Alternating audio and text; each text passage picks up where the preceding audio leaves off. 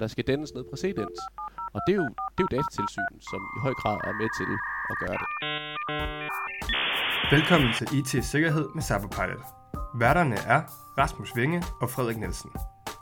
De vil diskutere og komme med løsningsforslag til emner inden for IT-sikkerhed og GDPR, hvor Rasmus som IT-sikkerhedskonsulent har fokus på det faglige, det tekniske og compliance-delen, mens Frederik som ansvarlig for awareness-træningen her på Cyberpilot har fokus på, hvordan viden bedst formidles og kommunikeres ud i organisationen. Ingen salg og ingen snak om statssponsorerede kinesiske hackere. Målet er at hjælpe dig som lytter med at skabe en god IT-sikkerhedskultur i din organisation.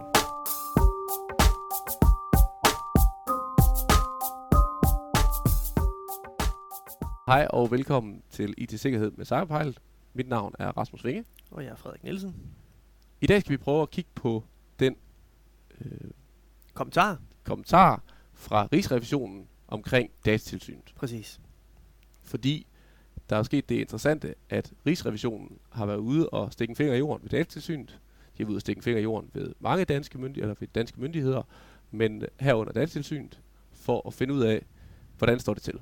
Ja, så det ligger ironien i, at datatilsynet er under tilsyn. Det er yes. Yes. jo også lidt den, vi tager lidt op som Yes, sådan det et, skal vi et have. udgangspunkt. Det skal ja. Vi lige prøve at få, øh, få gravet lidt ned i. Men øhm, der er nogle konkrete ting, som, som Rigsrevisionen påpeger, og der er også nogle ting, vi vil prøve at sætte fokus på, men vi kan jo prøve lige at starte et andet sted i forhold til, hvad er det, der sker, når sådan en lovgivning som GDPR bliver vedtaget.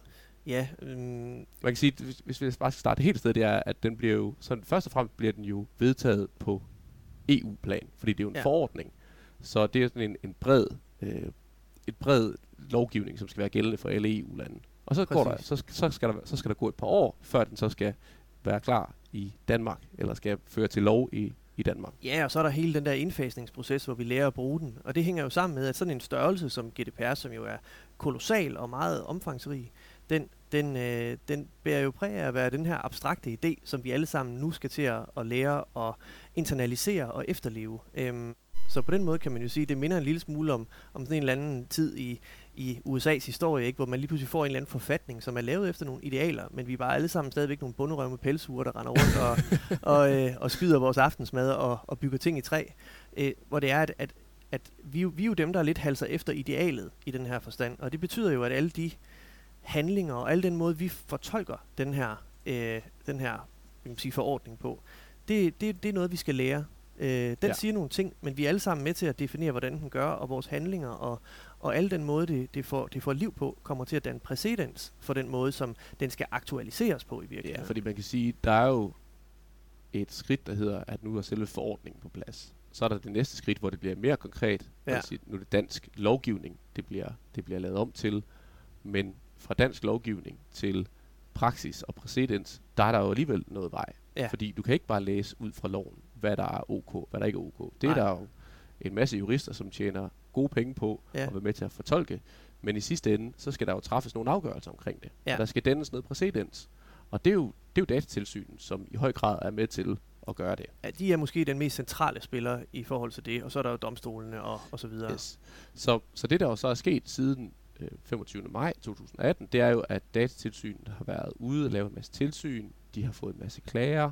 De har fået en masse sikker, øh, indberetninger om, om sikkerhedsbrud. Ja. Og derigennem, så begynder de jo så stille og roligt at, at hugge, som du siger, den her, de begynder at hugge den her sten ud. De begynder at, at gøre den her forfatning eller forordning mere klar. Ja, man kan godt se det lidt som en skulptur, vi er ved at stå ud. Lige nu er det bare en stor sten, men så lige så stille, så, så kan man sige, nogle af de store kunstnere, de vil sige, at jamen, skulpturen, den har hele tiden været inde i stenen. Jeg skulle bare lige hugge det overskydende væk, for at kunne se, Præcis. hvor smukt den ser ud. Præcis. Og øh, så det, der sker, det er jo, nu, det er jo derfor, det er interessant, det her med, at der er en proces ved, at datatilsynet jo har fået udstukket en opgave fra myndighederne om, at det er det, der er jeres rolle nu, nu skal I hjælpe med at få det her implementeret. Og så går de ud og, og laver de her aktiviteter. Men så sker der så det her nu, som vi jo har oplevet, det er, nu kommer myndighederne så også tilbage igennem person- personaliseret ved Rigsrevisionen, og lidt tager en status på, hvordan går det så med den opgave? Ja. Og det har jo klart nogle effekter for, og nogle betydninger for, hvordan datatilsynet vil komme til at agere fremadrettet. Mm. Så hvis vi nu prøver at dykke ned i helt konkret, hvad det er, øh, Rigsrevisionen har påpeget her, Ja. så kan vi prøve at tage et kig på, hvad er, det, hvad er det så, det kommer til at have af forventede konsekvenser. Mm. Fordi der, er- der er en del øh, ting, som, som Rigsrevisionen her har, har kigget på, men, men vi har lidt prøvet at udvælge to ting, som vi synes, der er særlig interessante. Og det ene, det var, at der er en kritik i forhold til, at der er for få afsluttede planlagte tilsyn. Ja. Og det siger Rigsrevisionen jo, at det er et problem, hvis ikke vi får afsluttet de her planlagte tilsyn, fordi tilsynene, det skal være med til at danne den her præcedens. Ja. Så igennem tilsyn, igennem afgørelse fra datatilsynet, der, der hjælper det de dataansvarlige til at finde ud af, hvor det vi skal stå. Mm-hmm. For det hjælper dem til at se skulpturen, der er gemt ind i stenen. Ikke? Ja, der bliver ligesom øh, formidlet noget videre, ikke? Altså, der, det bliver mere konkretiseret, hvad det er. Og det er Ja. jo sådan hele bevægelsen fra det abstrakte til det konkrete. Yes. Og det synes jeg er super interessant, det her med, at Rigsrevisionen siger, for få planlagte, for få afsluttede planlagte tilsyn, fordi det kan man jo nok næsten go- godt regne ud, hvad det kommer til at betyde Ja. for datatilsyn. Hvad kommer de til at have flere tilsyn eller færre tilsyn fremadrettet? Og det, det hænger jo også lidt sammen med, at, at hele den her tid efter GDPR, den var jo meget præget af nogle ammestue-historier omkring, og nu kommer det store slemme datatilsyn, og en hel masse sådan diffuse øh, spøgelseshistorier omkring, hvad man skulle være bange for, og man ikke skulle være bange for. Ja. Så vi altid, vi alle sammen sådan lidt ventet at se, hvad, hvad, hvad kommer egentlig til at foregå? Ja. Og, og rigtig nok så påpeger Rigsrevisionen jo, at jamen, det, at datatilsynet ikke fø, har ført så mange så, som øns, øh, som sige, tilsyn som ønsket, det, det, det får jo den effekt, at man måske sidder derude og tænker, det er mås- jeg, jeg kan måske sli- gå under radaren på det her. Jeg, det er måske ikke så alvorligt. Man kan sige, og Ja. igen det her med, om, om, at det er i hvert fald det her med, at der ikke er blevet, de ikke er blevet afsluttet. Og, Ja. ja. og det er jo det, som Rigsrevisionen jo også siger her, det er, at jamen, hvis ikke der bliver afsluttet tilsyn, jamen, så er der en risiko for, at usikker databehandling, eller databehandling, som strider imod lovgivningen, at den kan få lov til at, og, altså, den kan få lov til at, at, at fortsætte. Ja. At man ikke får straffet, at man ikke får slået ned på de der. Det er jo den Mm. samme risiko, som hvis du kører med, med DSB, og du begynder at spekulere i, jamen, hvor, hvor tit ser jeg konduktøren? Yes. Ja. Så derfor kan man sige, det her i hvert fald synes jeg, er, eller synes vi er super interessant, fordi det ændrer jo ikke på reglerne, generelt set. Øh, det ændrer ikke på, hvordan de bliver fortolket. Det ændrer bare på, at datatilsyn kommer nok til at være lidt mere frem i skoene, Ja. i forhold til at komme ud og få afsluttet nogle tilsyn, fordi så, og, og det kan man sige, det er selvfølgelig ærgerligt for dem, øh, der får ført tilsyn, som ikke er, klar til det, Ja. men for langt de fleste, tror jeg faktisk, de vil opleve det som værende positivt, fordi Ja. det vil betyde, at det bliver endnu mere klart. Ja. Den her proces med at få hugget den her skulptur ud i stenen, Mm. den, bliver, den bliver sat endnu mere fart på, så ja. vi alle sammen har endnu klarere billede af, hvad, hvordan den her kultur, skulptur den ser ud, Ja, og hvad det er, vi skal gøre for at leve op til tingene. og ligesom med så mange andre ting, så er det jo et spørgsmål om ressourcer, og fordi at datatilsynet også har stået i en, i en situation, hvor de har haft en måske en uklar øh, opgave i forhold til omfanget af, hvad der egentlig skal til for at føre det her ud i livet, og også har nødt til at se på, jamen, hvad kommer der egentlig ind? For der er jo kommet rigtig meget ind til dem også, ikke? Altså folk, der, der stiller spørgsmål og har brug for, at de tager sig af noget. Og det er jo lige præcis det, som, som datatilsynet jo også kommenterer tilbage på det her, det er jo, at jamen, det kan godt være, at vi har, har afsluttet for få planlagte tilsyn. Til gengæld har vi så bearbejdet en masse klager, vi har bearbejdet en masse sikkerhedsbrud, Ja. og det har vi så også offentliggjort nogle afgørelser omkring. Og det er jo også med til at danne præcedens. Så præcedens bliver ikke kun dannet ved tilsyn, Nej. det bliver også gjort ved klager og sikkerhedsbrud. Præcis, og det er, jo, det er jo rigtig sandt. Og hvis man ser på nogle af de vejledninger og noget af det materiale, der er lavet, øhm, det kunne også være nogle podcasts, de har lavet, så er der rigtig meget godt at hente.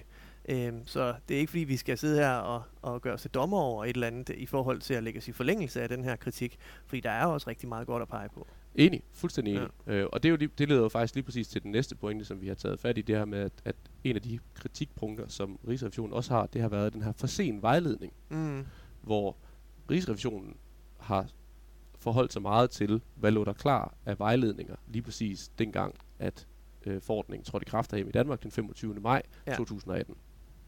Og det tror jeg sådan set, at, at der er mange, der har stået i den situation, hvor de har været, jeg ved ikke, hvad man skal sige, om, om de har været irriteret, eller de har været frustreret, eller det har i hvert fald været svært for mange øh, at vide, hvad de skulle gøre. Vi har alle sammen været presset af at finde ud af, hvad skal vi gøre? Altså det er den der konkretisering. Yes. Og hvis man nogensinde har prøvet at arbejde med at fortælle nogen ud fra et eller andet mere abstrakt, hvordan det skal konkretiseres, så, skal, så ved man også, hvor svært det er, fordi det kræver, at man faktisk kan indeholde alle mulige forskellige situationer, som folk måtte stå i. Loven siger en ting, virkeligheden siger en anden, anden og så sidder man der i midten som lidt klemt, ikke? Og skal ja. Prøve at sige, hvad skal du gøre? Og det skal være generelt nok til, at alle kan få noget ud af det, men det skal også være konkret nok til, at de ved, hvad de skal gøre. Præcis. Det skal alligevel have den der, den Ja. der konkrete grad mere, så det rent faktisk bliver en vejledning, så det ikke bare bliver en ny fortolkning af, Ja. af noget lov. Og det er klart, at det, vil sige, det vejledningsarbejde, det tager tid, og det er jo også igen et spørgsmål om ressourcer, men der er i hvert fald et kritikpunkt i forhold til, til datatilsyn der med, at der kom for sen vejledning. Ja. Øhm, og så det har datatilsyn jo så svaret at sige, det, de har ikke måske forholdt sig så konkret til den her dato, men de ser det jo som en løbende vejledningsopgave. Ja. Øhm, og derfor så har de jo også meget bevidst på, at det hele tiden, at, at tingene udvikler sig, Mm. og at vi derfor også er nødt til at udvikle vores, vores vejledninger. Det kan man også se igennem, at de har opdateret nogle, nogle af deres Præcis. vejledninger. Men at de også, udover bare de, de der helt skriftlige, klassiske vejledninger, som, som faktisk synes er rigtig fine, at de så også arbejder med nogle andre områder, for eksempel med, at de også har lavet en podcast osv. Ja. Jeg synes faktisk, det er super interessant det her med, at, at det er noget, der, der bliver, bliver påpeget, så derfor kunne man også godt forestille sig, at der fremadrettet vil komme endnu mere vejledningsmateriale fra datatilsynet. Ja. Hvilket vi jo igen også alle sammen bare kan være, kan være glade for. Så det er, det, det er i højere grad sådan, en- sådan en ret organisk proces, ikke? hvor vi alle sammen påvirker hinanden. Det er sådan en ret stor cyklus af, at, at alle forsøger at finde ud af, hvordan vi lærer at leve op til det her bedst muligt. Yes. Og det ender jo med at blive sådan en eller anden meget, øh, øh, ja, nu har jeg sagt konkret mange gange, det ender med at blive sådan en meget organisk og, øh, og øh, hvad kan man sige, virkelig proces, eller reel proces, Mm. mm. mere end det egentlig bliver den her, ja, idealet, det abstrakte, som ligger i, i, øh, i forordningen selv.